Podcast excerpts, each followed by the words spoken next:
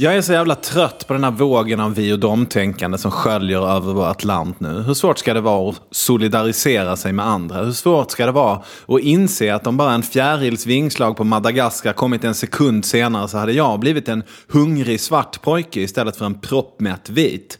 Tänk om vi bara kunde lägga en kvart om dagen på att försöka sätta oss in i vad andra människor har för erfarenheter, rädslor och, och drivkrafter. Tänk om vi bara försökte liksom en stund att förstå vår nästa, även om hen inte tycker som jag, även om jag inte fattar ett jävla smack av vad hen pratar om. För tänk om hen inte är dum, egoistisk eller ond. Tänk om hen bara har andra erfarenheter än vad jag har. Vi och de mentaliteten gör sig påminn när vissa pratar om människor från andra kulturer. Den gör sig påminn när jag jag pratar om grannkommunen Munkfors. Den gör sig påminn när vi himlar med ögonen över vad jänkarna nu har hittat på för något stolligt. Men den gör sig också påmind när vi pratar om människor som röstar fel.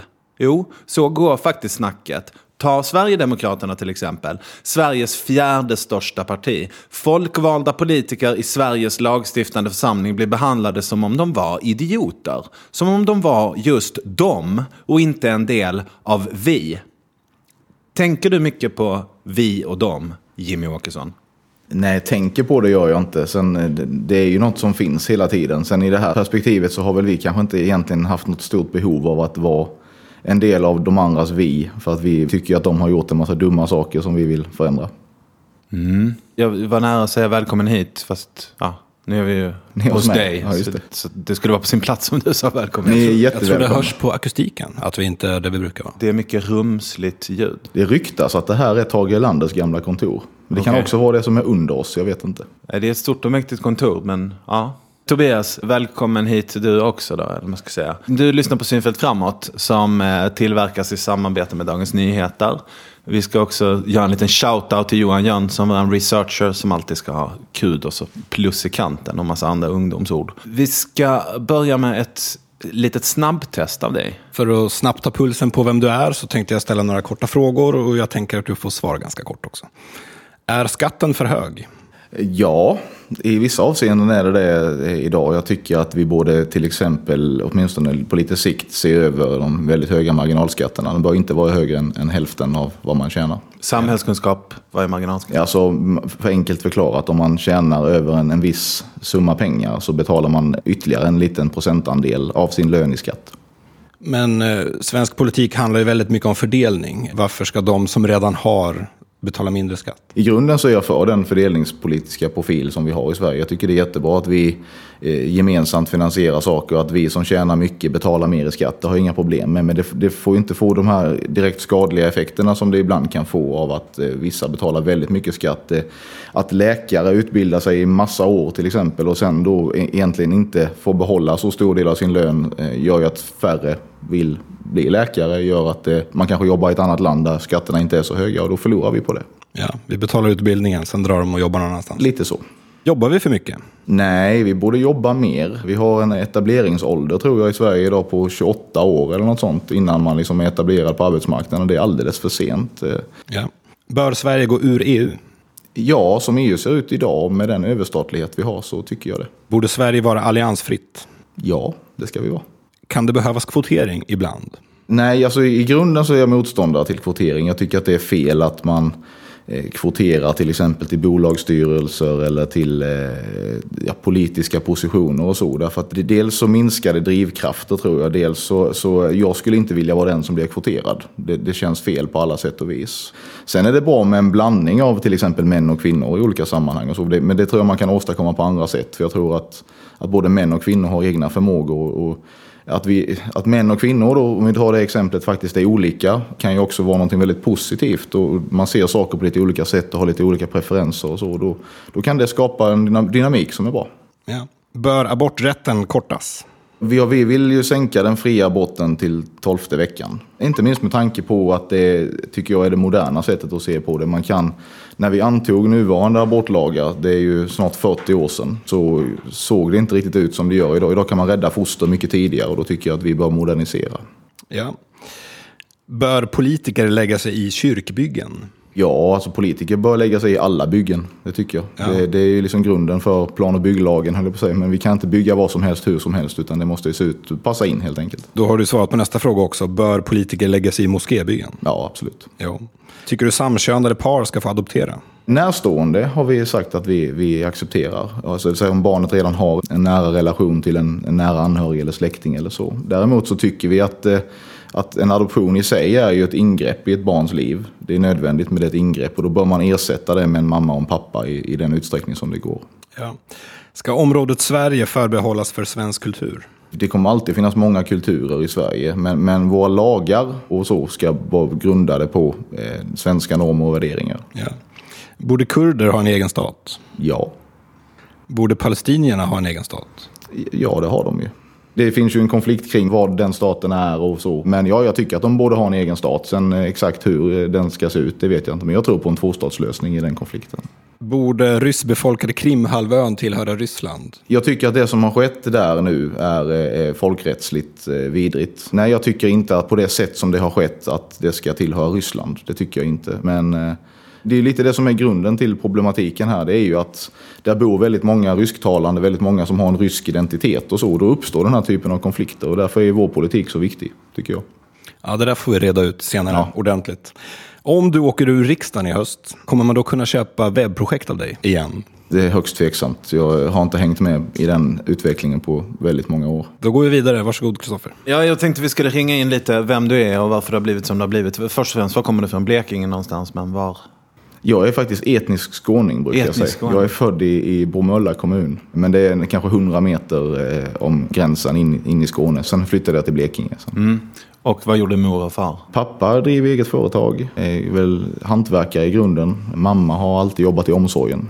När engagerade du dig i politiken för första gången? Jag gick med i moderat skolungdom någon gång 94 inför valet där. För att det var en massa kompisar som gjorde det. Och ärligt talat för de hade kul fester och en egen lokal. Det är det alla säger om moderater. Ja, Alltså, men så var det också. Att det, Halva skolan var nog med där tror jag. Men de- de hade kul fester och så. Mm. Sen så när jag blev lite mer politiskt intresserad på riktigt i samband med valet 94 och, och så, då började jag ju kanske fundera på om Moderaterna var rätt parti för mig och så småningom så insåg jag att det var det kanske inte och då började jag leta efter andra partier. Och, eh, sen gick jag med i, i SDs ungdomsförbund eller ungdomssektion som det var på den tiden, eh, ja, våren 95 någon gång. När är du född? 79. Jag är född 75 och jag är ju uppvuxen i så här mångkulturella Malmö inne i stan. Så i min klass så var vi ju ganska få etniska svenskar, vad det nu uttrycket riktigt betyder. Jag är inte helt bekväm med uttrycket, men vi tänkte ju inte i de termerna, utan det var ju bara, ja, polarna kom ju från olika ställen. Och då kom det alltid in så här bönder från Skurup och slog oss eh, så här, för att vi var, eh, ja, för att vi inte var svenskar. Jag fick också lite, jag fick en del av det där invandrarstryket själv. Så mitt engagemang, jag var aldrig så politiskt engagerad, men jag var jävligt engagerad i den frågan så här, mot rasism. Liksom.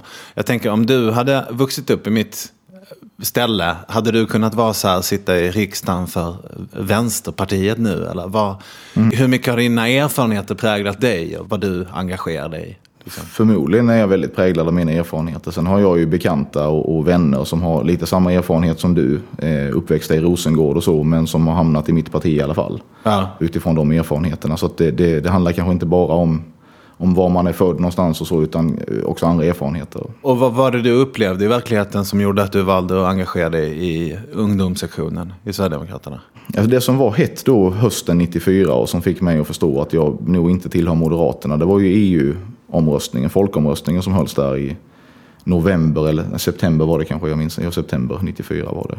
Och då blev jag väldigt besviken på Moderaterna. Det fanns liksom inget utrymme för EU-motstånd och så. Det var väl den frågan som gjorde att jag så småningom letade efter ett annat parti som, som tyckte mer som jag i den frågan. Och då hittade jag Sverigedemokraterna. Jag kommer ihåg EU-valet. Visst, vi satt väl och diskuterade det där, jag och mina polare, som ju var lite äldre än er då. Men vad var det som var liksom grejen med det? Vad var det för stort övergrepp som du kände var på väg att begås? Liksom? Ja, det stora övergreppet var ju att vi gav bort vårt inflytande över vår egen vardag egentligen till andra länders politiker. Och det hade jag väldigt svårt att acceptera. Kan du exemplifiera med någonting? Vad är det för inskränkningar vi har idag?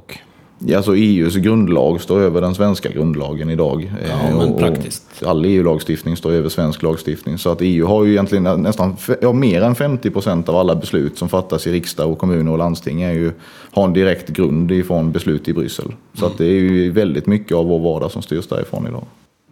Ja, principiellt så är det ju inte lyckat om man beslutar massa saker som vi inte gillar. Men i hög grad så får vi väl ganska positiva effekter av medlemskapet, eller? Alltså medlemskapet i EU har jag svårt att se egentligen särskilt stora poänger med. Utan det, däremot sker det ju bra saker inom ramen för EU. Det ska man ju inte förneka. Utan det, det är jättebra att vi kan ha samarbete för utbildning och att vi samarbetar kring forskning och utveckling. Det skulle vara ett enormt resursslöseri om vi inte skulle göra det. Och det är jättebra att vi har frihandelsavtal med andra länder i vårt närområde och så. Det tycker jag vi ska fortsätta ha. Men EU har också en gemensam utrikespolitik och en gemensam utrikesminister. Det finns en EU-president. Man har en gemensam nationalsång till och med och så. Alltså det finns en massa nationalattribut i, inom den här ramen som mer talar om att EU faktiskt är ett statsbygge snarare än ett samarbete. Och jag, jag samarbetar gärna men jag vill inte vara del av, av det. Men eh, det är ju en förlängning av eh, kol och alla de här, alltså idén om att Europa ska integreras ekonomiskt och så för att undvika ett nytt världskrig. Och det verkar ju funka ganska så bra, tänker jag. Vi, vi är ju så integrerade i varandra så att vi är inte rädda för ett nytt krig av den där eh, storleken på den här kontinenten. Nej. Är inte det, det är väl gött? Liksom? Ja, fast jag var inte rädd för det för länge sedan heller. Jag tror inte att vi behöver ha en gemensam utrikespolitik till exempel för det. Tvärtom, alltså, nu växer EU väldigt mycket. Det kommer in massa nya medlemsländer och det är massa nya intressen, olika intressen som ska samsas under det här taket. Och det har ju till exempel fått till följd att vetorätten är avskaffad. Nu är det majoritetsbeslut som gäller och det innebär att många länder i alla fall långsiktigt kommer att köras över. Det går inte att ta hänsyn till all- alla intressen längre. Och det, det innebär att man kanske snarare bygger in nya konflikter och nya motsättningar på längre sikt. Fair enough. Ung bekymrad man går med Mm. i Sverigedemokraternas ungdomssektion. Du måste ju vara någon sorts så här, maktlirare, eller hur? Du måste ju vara duktig på att klättra. Om du hade jobbat kvar i liksom, databranschen hade du väl varit chef för en massa människor nu, eller? Det var väl lite ambitionen, men jag valde det här istället då. då. Ja. Eh, sen vi var lite sent ute i databranschen, om man uttrycker det så. Det var liksom lite, missade tåget kan man säga. men, men skulle du lika gärna kunna vara någon annanstans? Alltså förstår du? Hur, Alltså, mycket, jag är, hur mycket är det? Jag tror att i grunden är jag nu väldigt entreprenöriellt lagd. Ja. Eh, Så, att jag, eh, när jag tar mig för någonting så gör jag det till 100% och kanske 110% om, om det går. Och, och sen kör jag in i kaklet. Så hur mycket är Sverigedemokraterna för dig ett projekt? Ja, det- Förstår du vad jag menar? Ja, att man hittar ett företag som man bara, åh om vi bara ändrar på det här och det här och det här så kommer det liksom att lyfta. Ja, men det är både och skulle jag säga. Alltså, Ja. det, det, det, är, det är en fantastisk resa om man får uttrycka det så. Som jag tycker att vi har gjort ändå. Från det här som jag gick med i för nästan 20 år sedan till vad det är idag. Mm. Och det är klart att det är har ju varit ett projekt att komma in i riksdagen och sådär. Ja. Eh, och det har varit väldigt lite politik tyvärr. Utan vi har fått fokusera väldigt mycket på att bygga upp organisation och sådana saker och bekämpa massa barnsjukdomar och sådär. Så att det är klart att det har ju varit lite som att bygga upp ett företag skulle man kunna säga. Men samtidigt så den politiska övertygelsen har ju funnits där hela tiden. Och, nu är jag jätteglad för att vi äntligen har fått börja jobba lite med politik också när vi sitter i riksdagen. Men eh, hur skulle du beskriva Sverigedemokraterna för tio år sedan och nu? Hur stora skillnader finns det och vilka likheter finns Det det? är jättesvårt att göra för det är ett...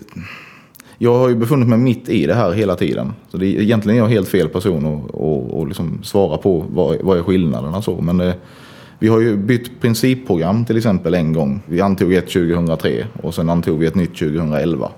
Och, och eh, det är väl inga jättestora skillnader egentligen där. Utan det är väl snarare att vi har, partiet har bytt ut i princip hela medlemskåren. Vilket faller sig naturligt när man växer så mycket som vi har gjort. Att det kommer in nytt folk som tar över och de gamla blir lite bittra och sura och försvinner. Vilket har varit bra därför att det har kunnat utveckla partiet, tycker jag, i rätt riktning mot ett mer normalt politiskt parti. Så att det är väl egentligen det som har hänt. Eh, och sen har, tycker jag att vi har blivit ganska mycket tydligare i vår syn på till exempel invandringspolitiken och sådana saker. Vem, vem som ska få bo i Sverige och så. Det tycker jag, det hade vi ganska stora brister för. Men idag tycker jag att vi är bättre.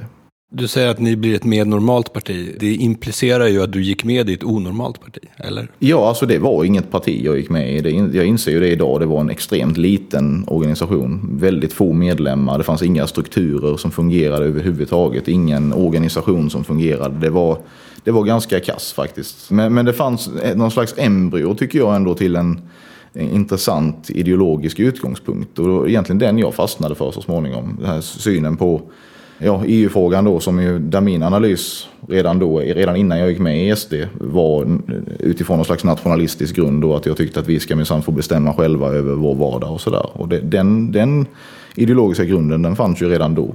Vi måste prata om nationalism. Hur fan blir man nationalist? Jag tror att vi är så långt ifrån varandra som man överhuvudtaget kan eh, komma. Jag är uppvuxen i en multikulturell stad. Jag känner bara människor från andra länder. Det här med svenskhet och den där grejen. Jag förstår liksom inte. Förstår du? Mm. Jag har ingen positiv bild av det ni försöker beskriva. Hur mycket jag än läser. Så jag fattar liksom inte. Kan du försöka sälja på idén om nationalism till mig till exempel? Jag tror att nationalismen är viktig därför att den utgår från att man ska bygga samhällen på likheter, på det som förenar. Titta på många konflikter runt om i världen idag så hänger de ofta ihop med att man har på olika sätt kränkt nationalismen och nationalismens principer. Det har varit strider om rent imperialistiska strävanden där man har gått in och kränkt ett annat folks rättigheter och tagit över deras land och sådana saker. Och det är en kränkning av nationalismen. Men det kan också handla om att det, på, på vissa ställen så, så lever det olika befolkningsgrupper och de, inte sällan så börjar de bråka med varandra på olika sätt. Och då, då menar vi att då bör man inte bygga nya sådana samhällen. Jag kommer ihåg, jag hörde en intervju med Hans Alfredsson när jag var liten på radio. Han, han hade fått något brev från någon. Lika barn leka bäst hade brevet börjat med att rasism är någonting som är väldigt naturligt. För man har höns i en hönsgård och så har man vita höns och så har man, släpper man in en svart höna. Då kommer de vita hönsen och, och hacka på den svarta hönan. Liksom. Det är, så är det i naturen och det, det vet man. Och då svarade Hans Alfredsson att ja, det är just det som är min poäng. Att jag tycker inte vi ska uppföra oss som höns. Och jag tycker det är så jävla klokt sagt. Och det där har jag haft med mig alltid. Liksom att det är klart att folk bråkar, men man behöver ju inte det. det är inte, man måste ju inte göra det. Det finns ju så jävla många andra grejer man kollar på på de länderna i världen där det är som mest krig så är de ju i regel också väldigt hungriga och har liksom ingen demokratisk historia eller så. Men fan vi har ju världens mest solida bygge liksom. Vi har en skitbra konstitution tycker jag i alla fall. Vi har mycket naturtillgångar. Vi sitter väl rätt bra där vi sitter. Jag tycker vi borde väl kunna ha rätt högt i tak liksom för jag menar, om vi bara vet vad det är som är grunden i vårt samhällsbygge. Jag är beredd fan att ta till vapen för den liberala västerländska demokratin. För religionsfriheten, framförallt den negativa, att slippa religion. Den sekulära demokratin. Att det där, det är jag beredd fan att fightas för. Därutöver, knock yourselves out. Alltså jag har inga problem med bygg moskéer eller prata arab. Jag har samhällsinformation på arabiska. Fan, jag bryr mig inte. Men jag vill fan ha min demokrati i fred. Mm.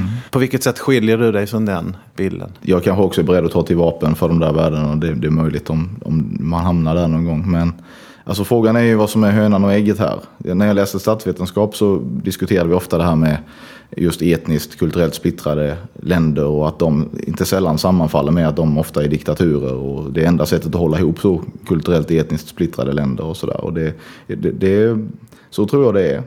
Subkulturell pluralism är en eh, jobbig grej om man vill bygga en demokratisk stat, kommer jag ihåg att man fick lära sig. Mm, ja, ja, ja, jag känner inte igen just det uttrycket. Nej, okay. men, men absolut, alltså det, så är det ju i någon mening. Att, att ju mer splittrat ett land är, ja. så svårare är det att bygga demokrati. Och det ja. var ju, fick man också lära sig själva förklaringen till att, att Sverige kunde demokratiseras ändå hyfsat tidigt i förhållande till andra länder och sådär. Att, eh, att vi, har, vi har ändå funnits en, en förhållandevis homogen befolkning här och, och sådär. Och jag, jag, tror att det är så. Det man kan se nu det är ju att det som händer är att Sverige faktiskt splittras en del. Det är klart att du har ju levt då i någon mening i, i en sån här segregerad del av Sverige så, så, ur mitt perspektiv. Och har kanske ett helt annat perspektiv då. då. Men, men, så ser jag det. Att, att det, Sverige håller på att delas upp idag. Och det finns en segregation på en massa olika nivåer och inte sällan, till exempel i Rosengård i Malmö idag, så är den långt nere på kvartersnivå till och med med olika befolkningsgrupper och så. Det är ingen bra utveckling. Som inte är integrerade i svenska samhället. Ja, ja.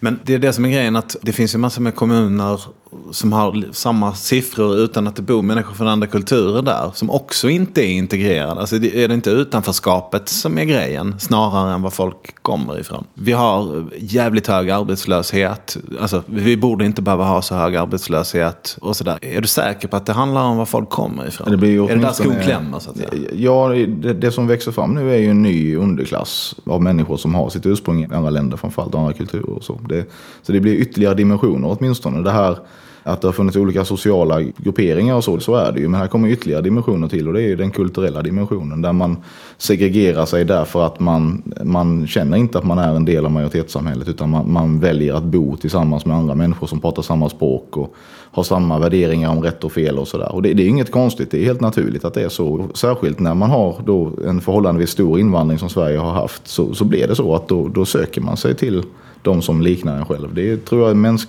ja, tillhör den mänskliga naturen. Ja, det tror jag också, verkligen. Eller det är ju inget konstigt, det hade jag också gjort såklart. Men uh, det som är grejen, jag bor ju i Sunne som ligger i Värmland. Vi har ju en flyktingförläggning mm. i kommunen och vi har dessutom ett sånt här uh, boende för ensamkommande flyktingbarn. Och eh, vi är ju, eh, jag tycker vi är jävligt bra på att fånga upp de här människorna liksom, som kommer dit. Så här. Det handlar om jävligt enkla grejer. Det handlar om att säga att om du behöver något så är det bara att höra av dig. Eller jag kan visa dig hur man fixar ett lånekort på biblioteket. Eller vi kan träffas och fika och snacka svenska med varann. Medan vi väntar på att SFI ska komma igång och sådär. Jag tänker att det är liksom vårt jobb, vi som bor där. Att ta emot de människorna. Det här är människor som har flytt liksom, för, för sitt liv. Så det är ju inget snack om att, alltså det, jag respekterar verkligen att de har tagit sig hit. Liksom. Och... Eh, och då försöker jag väl eh, hjälpa dem in i samhället så gott det går. Jag tänker att om man inte gör det, om man inte engagerar sig i att välkomna de människorna som kommer hit. Ja, det är klart som fan att de sköter sig själva. Det är klart som fan att det går åt helvete. liksom. Men då är det väl det vi ska ändra på. Måste väl bli, bli bättre på att bjuda in folk på middag och fråga dem förklara mm. hur det funkar här. Jo, alltså det funkar ju säkert på individnivå och i små samhällen och sådär. Men det, det är ju... Men stora samhällen är ju bara aggregerade individer. Det är, ja. ju, det är väl bara det. Alltså problemet är ju som jag sa att, att, på individnivå i ett litet samhälle så kan du bjuda på middag. Det går, det är hanterbart. Men du kan inte göra det i, en, i Malmö till exempel. Det kommer, det kommer aldrig fungera. Utan där blir det ju segregerat istället. Eh, det är så bra. jag kan inte se att det går att lösa på individnivå på det sättet. Men självklart, alltså det, jag, jag har ju också vänner till exempel som är från andra länder och så. Har alltid haft och aldrig varit några konstigheter. Aldrig haft några problem med det på något sätt. Utan på individnivå fungerar det ju. Men, men däremot så finns det en, en, en, tendens till att det blir gruppbildning när man istället kommer på den kollektiva nivån. Och det, det finns säkert de som, som på ett väldigt behjärtansvärt sätt tror och hoppas och försöker på olika sätt att man ska överbrygga det här. Men jag tror inte att det kommer att fungera särskilt bra när det ändå handlar om så väldigt många människor som det handlar om här. Jag tror att segregationen har gått för långt redan i Sverige. Okej, Sunne är inte avfolkningsbygd, men förutom de här storstadsregionerna, alltså, vi är ju tomt land, vi är ju desperat behov av folk. Grannkommunen norrut är ju Torsby mm. och det är den sydligast belägna kommun som uppbär glesbygdsstöd snälla kan inte få flytta in lite folk där? Liksom? Om vi är så jävla picky med vilka som får bo här, då, då, då måste ju Sverige förbli tomt. Vi kan ju inte knulla fram hur mycket kids som helst. Här får vi ju gratis befolkning, det är ju toppen. Det är ju grymma människor. Syrierna som kommer, många högutbildade, många, alltså det är ju det är bara fan in med dem. Vi behöver verkligen dem. Mm. Där ska vi verkligen haka upp oss på att de liksom, att de gillar homos. Ja, det, det är i sig ganska vidrigt tycker jag, men det är en högst personlig uppfattning. Ja. Men eh, det, kan vara gott också, det beror på vem som har lagat den. Ja. Men eh, nej visst, alltså det, i någon mening så är det klart att om du har de här väldigt goda erfarenheterna så är det jättebra. Men det finns flera problem med det här. Dels så är det ju ganska sällsynt att stora grupper av människor, flyktingar och så, bor kvar i de här mindre kommunerna särskilt länge. Ja, för vi måste förtjäna det. Det är det som är grejen. Vi måste ju förtjäna det. Det är det. Vi måste ju, fan, mm. jag får jobba arslet av mig för att få dem. Och jag går ju där och indoktrinerar dem hela dagarna. Och bara, kolla här, det här har du ingen annanstans. Det handlar ju om att sälja på dem det. Jag vill ju mm. att de ska stanna kvar. Jag vill att de ska betala skatt. Jag vill att de ska knega. Det är ju hela grejen. Mm. Mm. Ja, det är jättebra jobbat av dig. Jag tycker mig se att du tycker att det är lite upp i det. Jag har huvudet upp i röven? Ja, det, när, när det är lite upp i det blåa är det. Fast på individnivå är det säkert, du gör säkert jättestor nytta. Som individ har jag inte huvudet upp i det blåa. Men om fler är som jag, då har vi gemensamt huvudet upp i det blåa. Jag skulle inte uttrycka det riktigt så. Men, okay. men jag, jag, jag, tror att man måste skilja på individnivån och på, på den här gruppnivån. Där okay. Det finns en vilja hos nytillkomna att segregera sig. Så är det. Och det sker också i väldigt hög grad. Sen, jag kan till exempel tycka att EBO-lagstiftningen är, ett problem. Därför att det får ju väldigt många människor att flytta från till exempel då Sunne eller Torsby till Malmö. Eller vad det nu kan vara. Därför att där har de släktingar som bor. Och de får lov att göra det. Som bor de jättemånga i små lägenheter och sådär. Det är jättedåligt till exempel. Så att det är klart att det, det vore bättre om, om, om man kunde kommunplacera på ett annat sätt och sådär. Det, det håller jag med om. Men problemet är fortfarande alltså att det kommer så många människor så att eh, hur många du än bjuder på middag så kommer det inte att lösa situationen tyvärr. Utan det, jag jag tror att det där är väldigt bra. Det är ett sätt att få människor att faktiskt bli svenskar, en del av den svenska nationen eller majoritetsbefolkningen. Det är ju att de träffar andra svenskar. Jag tycker det är jättebra. Men tyvärr är det ingen lösning för den stora invandring vi har haft. Det är jag tyvärr övertygad om. Jag tänker så här, att så länge man försörjer sig och följer lagen så är det fine with me. Sen får man ja, göra lite som man vill. Och hade vi bara haft en fungerande arbetsmarknad, då skulle de här personerna komma i jobb snabbt. Då löser man ju problemet. Fast från andra hållet. Fast det heter ofta så att om vi hade haft en fungerande arbetsmarknad. Men varför är arbetsmarknaden inte fungerande då? Alltså Ja, det, det, det, varför tror du? det- Ja, därför att vi bygger in stora obalanser. Bland annat därför att eh, vi har en invandring som innebär att det kommer hundratusentals människor till vårt land som ska ha del av de gemensamma systemen men som inte har haft möjlighet att bidra till dem därför att det har inte funnits jobb. Och då blir det ju liksom en obalans som tyvärr då ackumuleras snarare. Va? Och därför så kommer arbetsmarknaden heller inte att fungera. Jag sa det i partiledardebatten här nu för, för ett par dagar sedan att, att arbetslösheten i stora delar är importerad. Och det är den. Det räcker att läsa regeringens statsbudget så står det där att den är det. Hade vi inte haft den stora invandring som vi har så hade arbetslösheten inte legat på de höga nivåer som den gör. Och det, det är ju mycket tack vare att invandringen är så stor som arbetsmarknaden fungerar så dåligt. Men till exempel Munkfors, de har 36 procent arbetslösa ungdomar. Men i princip ingen invandring. Vad, vad har de gjort för fel, tror du? Ja, alltså det, det, problemet är ju att, att svensk landsbygd och, och i synnerhet svensk glesbygd, det är ju, alltså vill man ha jobb idag då blir, blir man i princip uppmanad att flytta till Stockholm. Så, så är det ju, därför att det, det, det är den expansiva regionen och det är där jobben finns. Och, och så. Och det, det tycker jag är dåligt. Jag tycker det finns ett egenvärde i att vi bevarar svensk landsbygd och, och försöker få människor att stanna kvar där. Och därför så lägger vi ganska mycket pengar i, i våra budgetförslag till exempel på att lyfta landsbygden. Att möjliggöra för svensk landsbygd att leva av egen kraft och, och sådär. Ja, problemet är att många åker kanske och studerar i någon annan stad och sen blir de kvar och flyttar inte hem igen. Det, det är jättestora problem med, med avfolkning och, och utflyttning på det sättet. Nu pratar vi om ekonomi och sådär. Vad är lönsamt, vad är inte lönsamt? Så. Men egentligen, det finns ju en annan... Alltså, om jag tar de människorna som jag har lärt känna det senaste halvåret så är det ju naturligtvis så. Fan, de har ju legat i, i Medelhavet utanför Lampedusa på ett drunknat. Det är ju folk som har flytt sina liv. Liksom. Kurder, de kan ju inte gärna fly fan till Irak eller Turkiet, eller hur? Det är rimligt tror jag att alla tycker. Om man tar del av enskilda livsöden så inser man att det där hade jag också gjort. Jag hade också hamnat på den här flyktingförläggningen i Rottneros. Jag hade varit jävligt glad för det. Liksom. Och då blir det ju lite, lite märkligt att prata om dem som importerad arbetslöshet. Visst hade allt varit lätt om det hade varit förr i tiden fortfarande. Visst hade det varit gött, men det är inte det. Det är en globaliserad värld. Man har uppfunnit flygmaskinen. Och det har medfört goda grejer och jobbiga grejer. Och det är bara att gilla läget. Det, är liksom, det går inte att drömma sig tillbaks till en tid då vi fick vara i fred. Vi får inte vara i fred.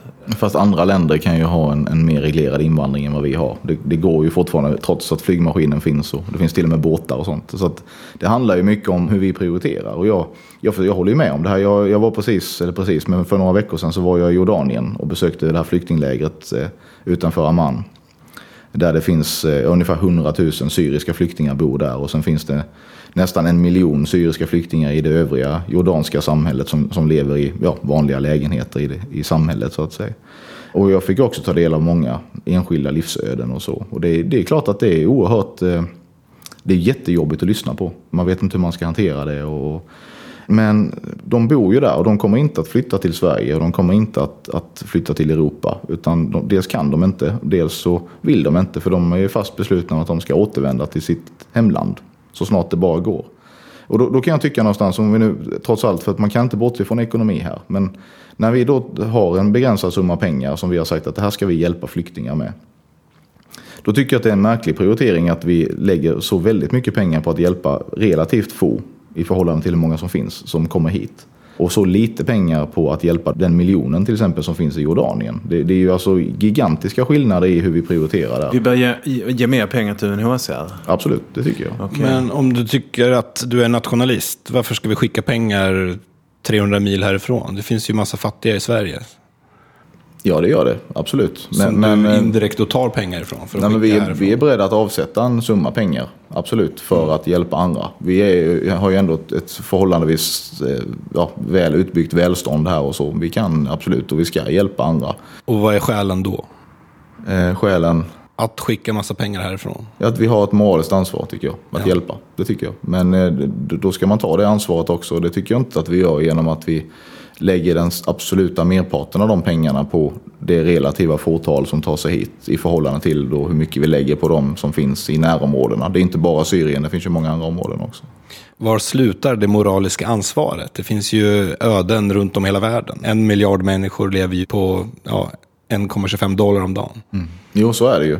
Det är klart att man måste göra en avvägning och det gör ju vi när vi lägger våra budgetförslag. Det låter tråkigt och, och teknokratiskt, men så är det ju. Och vi lägger då, avsätter då ett visst antal miljarder av den totala statsbudgeten för att hjälpa andra människor genom utvecklingsbistånd, genom eh, andra typer av bistånd, genom flyktinghjälp, UNHCR och så. Ja.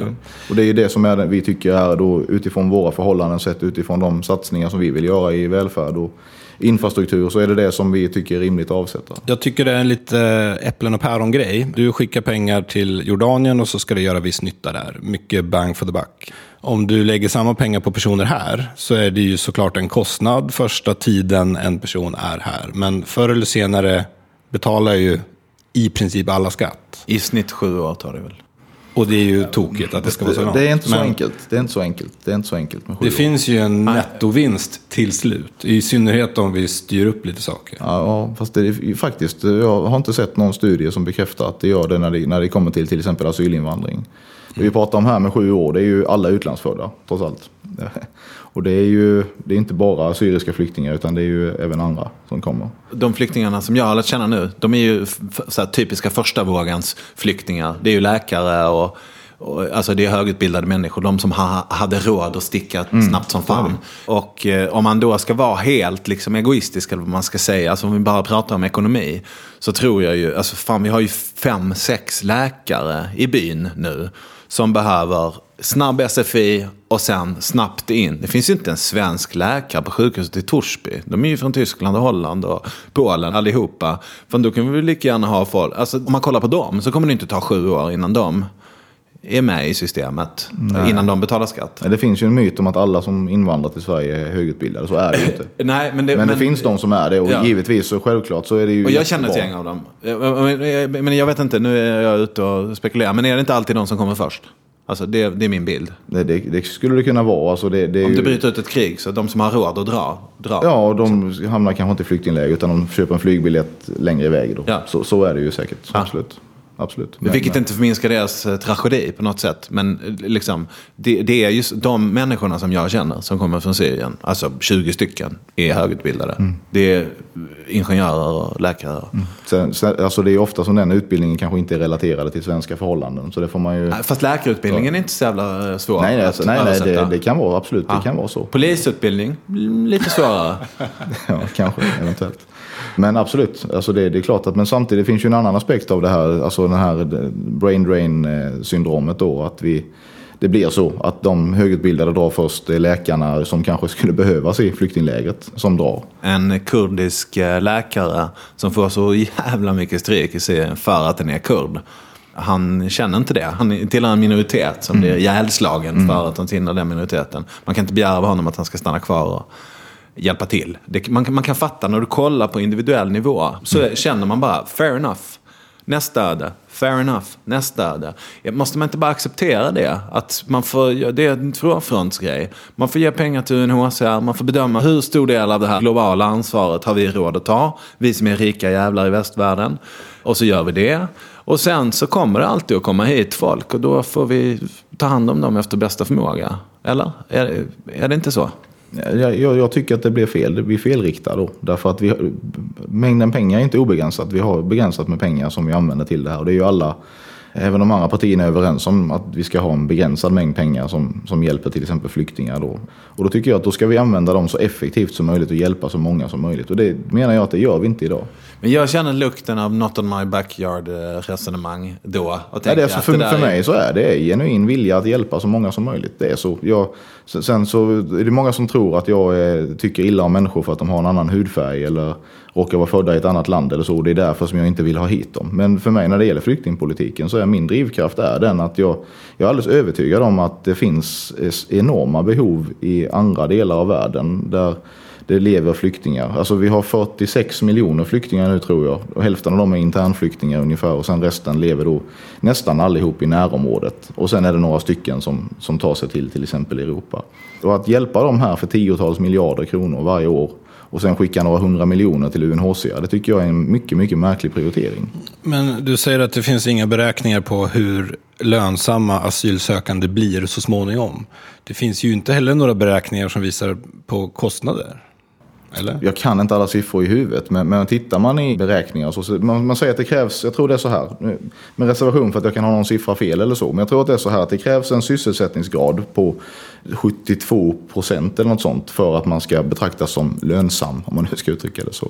Och det finns då grupper, framförallt invandrargrupper, som inte kommer upp i det ens efter 20-25 år. Ja. Det finns det siffror på. Jag kan inte det i huvudet, jag ber om ursäkt för det. Men, men det finns sådana uträkningar. Så absolut, det är klart att invandring kan vara ekonomiskt lönsam. Men, men all invandring är inte det. Och, och, det är inte, inte därför vi har asylinvandring, för att den ska vara lönsam. Utan Nej. den har vi av andra skäl. Så, så är det ju. Och det, det, det, är en prioritering som de andra partierna har gjort. Man vill ha det så och vi tycker att det är en dålig prioritering.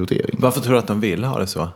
Det finns ideologiska skäl dels. Alltså man vill bygga det här eh, splittrade samhället. Eller man tror väldigt starkt på det här man kallar för mångkultur och ja. mångkulturellt samhälle. Och, så. Ja. Det, det, och det, det, är ideologiskt. Både liberaler och socialister vill det. Men både mina nya och mina gamla kompisar heter ju Ahmed, Mustafa, men också Soran och Ös. För mig är det ju vanliga svenska människor som inte delar min bakgrund.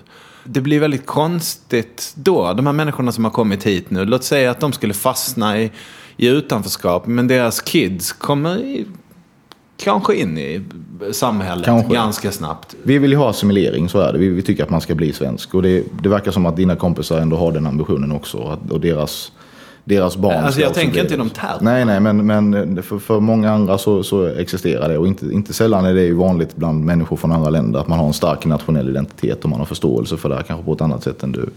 Och så har det ju varit också med, låt oss ta arbetskraftsinvandrare och så som kom på 50, 60, 70-talet. Så deras barn blev ju svenskar. Så är det ju i väldigt hög grad, assimilerade. Därför att vi hade den politiken, det var det självklara. Kommer man till Sverige så ska man bli svensk och ta seden dit man kommer. Och så. Ja, och det fanns jobb. Det, det, är ju lätt att komma in i ett ja. gemenskap om man har en fungerande arbetsmarknadspolitik. Ja, både och såklart. Alltså om man kan försörja sig själv så blir det ju så. Men samtidigt så menar det fanns ju en segregation där också inledningsvis. Så var det ju. Alltså, de här arbetsplatserna var det ju finnar, det var nästan bara finnar som jobbade där. Så det, var, alltså, det blev ändå så att man började så småningom att se det svenska samhället som sitt. Men jag ser inte riktigt de förutsättningarna nu. För att det, det är något annat som har hänt, en annan typ av invandring. Det är, kulturellt inte lika närstående. Jag, jag, jag, är väldigt pessimistisk. Det är tråkigt att vara det, men jag är det tyvärr. Det är din demokratiska rättighet och jag ska sluta tjafsa med dig innan du blir dåligt humör. är du liksom motvalls? Måste du tycka tvärt emot alla andra? Nej, jag, är det tråkigt om inte alla är arga på dig eller? Nej, Nej, jag är inte alls lagd sån. Jag mår väldigt dåligt av att, att inte vara överens faktiskt. Jag tror att jag är väldigt svensk i det avseendet. Att jag är lite konfliktundvikande och ja. eh, på olika sätt vill eh, nå konsensus och så. Det tror jag avspeglas i min ledarstil till exempel i partiet. Att jag, jag är inte den kanske som i första hand pekar med hela handen och talar om hur det ska vara eller sådär. Utan försöker att, att få olika intressen och hamnar på samma linje och sådär. Jag är lagd sån. Så att, nej, jag har liksom fått en roll som jag inte är riktigt bekväm med. Jag kan ju tycka att, och jag berörde ju det inledningsvis, att sättet som man pratar om ert parti på är lite smaklöst och väldigt, väldigt märkligt.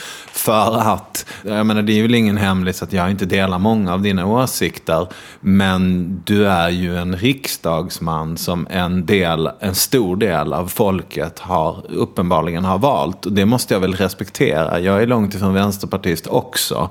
Jag respekterar väl ett riksdagsparti för vad det är. Alltså det är ju därför vi har den här representativa modellen. Om man får 5% av rösterna så kan man ha 5% av inflytandet. Eh, ni måste ju ha svarat på något behov. Ni måste, mm. ni måste ha kommit med svar på frågor som någon har velat ha någonstans. Vilka frågor är det? Ja, det är nog starkt kopplat till invandringspolitiken. Eller nog, det är starkt kopplat till invandringspolitiken. Är det så enkelt? Ja, det är, jag tror att det är precis så enkelt. Att det har, vi, vi snuddade lite vid det här tidigare med orsakerna till att vi har haft den här att de andra partierna gör de här prioriteringarna, att vi har haft den här stora invandringen och så. Jag sa att det är framförallt ideologiskt, det är en huvudförklaring. Tyvärr då, eftersom det är ideologiskt så har ju debattklimatet blivit som det har blivit. Det har knappt varit tillåtet att, att kritisera invandringspolitiken. Har du gjort det så har du fått en rasiststämpel eller du har blivit ett dom då, då för att knyta an till din inledning här. Och det har gjort att, att det finns en undertryckt åsikt bland stora delar av befolkningen. Vi ser det i opinionsmätningar att väldigt många människor tycker att vi har för mycket invandring. Senast idag kom det en sån mätning som visade att det är en väldigt stor del av befolkningen som tycker att vi har tagit emot för många invandrare till exempel. Och, så. och det är klart att på något sätt så har ingen kanaliserat det missnöjet. Men vi, vi har ju under ganska lång tid nu försökt bygga upp den här trovärdigheten för att kunna kanalisera det och bli en slags ventil för, för de som tycker så.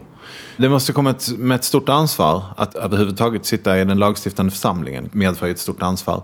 Men grubblar du på det ibland? Liksom? Vad sprider du för, eller ni, för stämningar? Liksom? Ja. Kan ni elda på något som bara blir värre? Liksom? Jag försöker att inte göra det. Jag förstår att det är, liksom, det är en väldig kraft i de här frågorna. Ja. Det är så uppenbart. Det, och, och vi ser en enorm polarisering kring mig och mitt parti och kring, ja, även kring andra riksdagsledamöter och sådär. Det, det är ingen bra situation. Men jag försöker att hålla en, tycker jag själv, en sansad ton i debatten och försöka undvika allt för skarpa formuleringar och överord och så. Ibland så när man gör det så då får man kanske ja, tänka, bättre, tänka efter till nästa gång. Anser du dig vara konservativ? Ja, det tycker jag nog att jag är. Ja. Eh, när vi kom hit så, så pratade du om eh, hur stockholmare dricker kaffe. Mm. Jag kunde tolka någon slags skepsis mot nymodigheter. Och jag såg dig i tv, du refererade till några som hade konstiga kläder.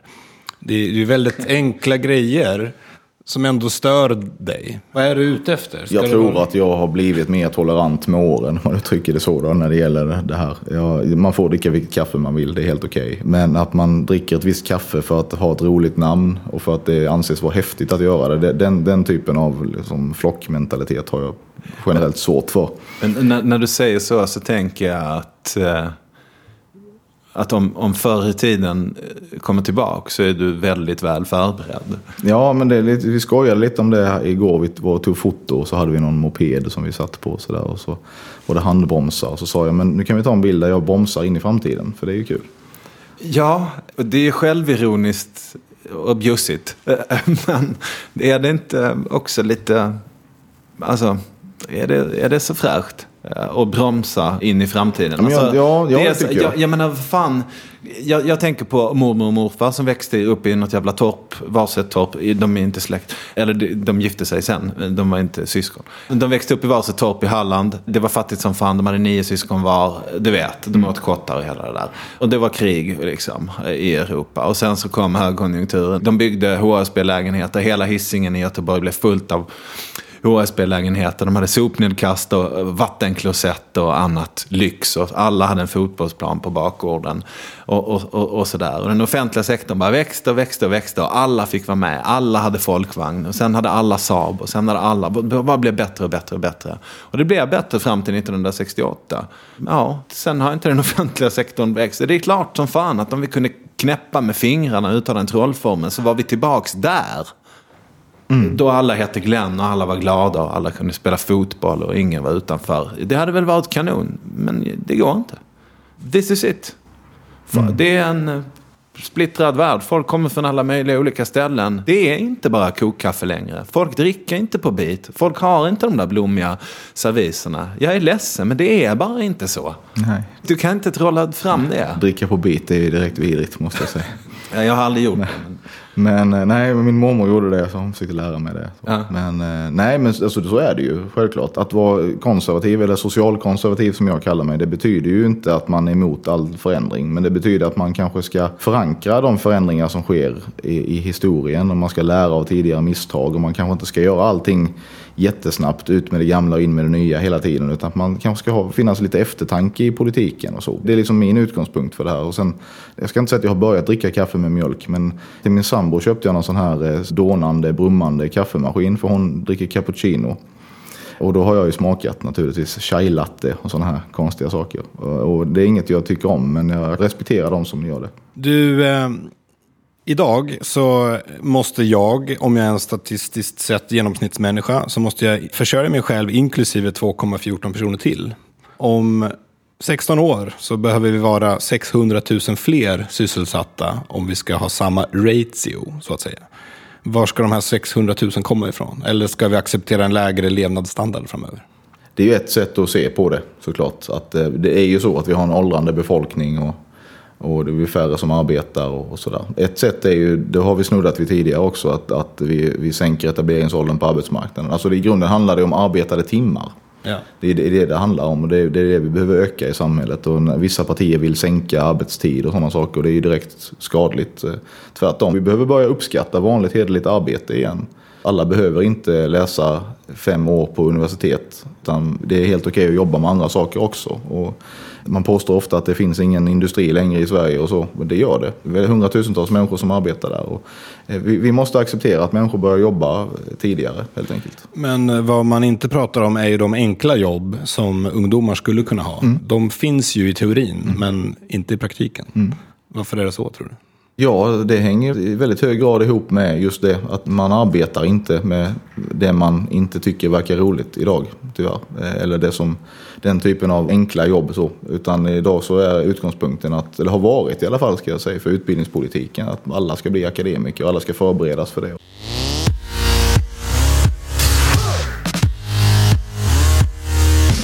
Vad är viktigast för att vara en bra politiker? Värderingar eller kunskap? Absolut värderingar. Då ska Kristoffer göra ett moraltest på dig. Det är en summarisk liten rättegång. Kan det vara okej att gömma flyktingar? Det kan säkert vara okej, det beror på sammanhanget helt skulle jag säga. Mm. Är det rätt att störa nazister som demonstrerar?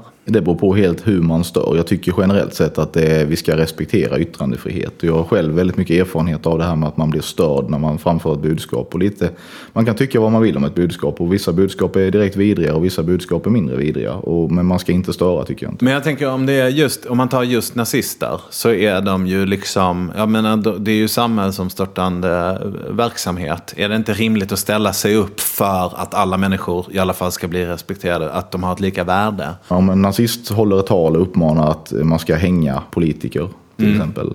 Då har man passerat en gräns för vad som är lagligt till och med. Och då, då, då är det rimligt att ordningsmakten ingriper. Men det är inte rimligt att politiska motståndare själva gör någon slags bedömning av vad man tycker är fina och trevliga åsikter och sen så ger man sig in i, i, i någon slags eh, eh, ja, störsekvens. Det tycker jag är fel. Okej. Är det okej att ge pengar till tiggare? Det kan det väl vara. Ibland ger jag pengar till Röda Korset till exempel. Eh, Men jag tänker mer på tiggare som sitter utanför Lidl på en filt och fryser på vintern. Jag tror att det är kontraproduktivt. Till exempel när det gäller de här rumänska tiggarna som är ganska vanligt nu så var ju Rumäniens ambassadör här i Sverige gick ut för ett antal månader sedan och vädjade till folk att inte göra det därför att det på något sätt så urholkar det Rumäniens ansträngningar för att integrera den här delen av befolkningen i Rumänien. Jag tänker att, att eh, en del av de här tiggarna är romer. Och att romer är en minoritet som blir ganska illa behandlad i Rumänien. Och att Rumäniens ambassadör har ganska låg trovärdighet vad det gäller att prata om vad som är bäst för de där människorna. Vad tänker du om det? Jag tänker att i det avseendet så är ju Rumänien ett EU-land och har skrivit på, tror jag, Köpenhamnsförordningen heter det väl, som innebär att man ska ta ansvar för sin egen befolkning. Det måste Rumänien göra och då, om de inte gör det så ska vi, tycker jag, sluta ge dem pengar, för det gör vi idag. Okej, inte stoppa pengar i muggen på... Utanför Alltså det får man ju avgöra. Jag gör inte det, men tycker man att det verkar bra och man vill det så då får man väl göra det. Jag vill inte förbjuda att ge pengar till tiggare, men däremot så vill vi förbjuda tiggeri. Men om du ger pengar till Röda Korset, då går ju pengarna till någon medelålders tant som har 70 000 i lön. Man kan ge pengar även till andra än Röda Korset. Ja, som, som det, var, det, du kanske var det finns, ibland kommer det sådana här bössor med människor som skramlar och ibland så verkar det vara behjärtansvärt och så. Kan det vara okej att sälja sex? Jag, jag tycker inte att det är, okej att sälja sex. Du Det säljer inte sex? Nej, det gör jag inte. Men jag kan förstå att det finns de som gör det därför att det, det är Men det kan inte, du, alltså, jag tänker på den här att Mm. vuxna människor får bestämma själva. Det, det, det tycker du inte? Jag tror inte på den här myten om den lyckliga horan eller så. Det gör jag inte. Nej. Kan det vara okej att knarka lite? Om man är på humör? Nej, jag tycker inte att det är det faktiskt. Nej. Eh, Jag, jag, jag eh, knarkar inte själv och jag tycker inte att man ska knarka heller. Alltså det, det, det finns ju en liberaliseringsvåg kring det här idag Ja. igen. Och det, jag är rädd för att vi, alltså det, man befinner sig hela tiden på ett sluttande plan. Och det är jag rädd för. Mm, jag håller med om det. Jag är också lite rädd för det. Jag tycker det är obehagligt. Är det okej att äta kött? Jag tycker det är okej att äta kött. absolut. Men då måste man ju ha ihjäl djur. Ja, De blir mycket ledsna av detta. Jag är inte säker på att de blir så ledsna. Djurmammorna och djurpapporna gråter. Men det, Alltså, det jag, kan- jag, jag tycker att det är viktigt att vi har en, en civiliserad djurhållning. Att vi ska göra vad vi kan för att minska onödigt lidande för djur och sånt. Det tycker jag. Och eh, det, kan man köpa schysst producerat kött, gärna närproducerat av en lokal bonde och så, så är det jättebra. Däremot kanske man, man kan undvika att köpa importerat halalslaktat nötkött från Irland till exempel. Det gör jag alltid i alla fall.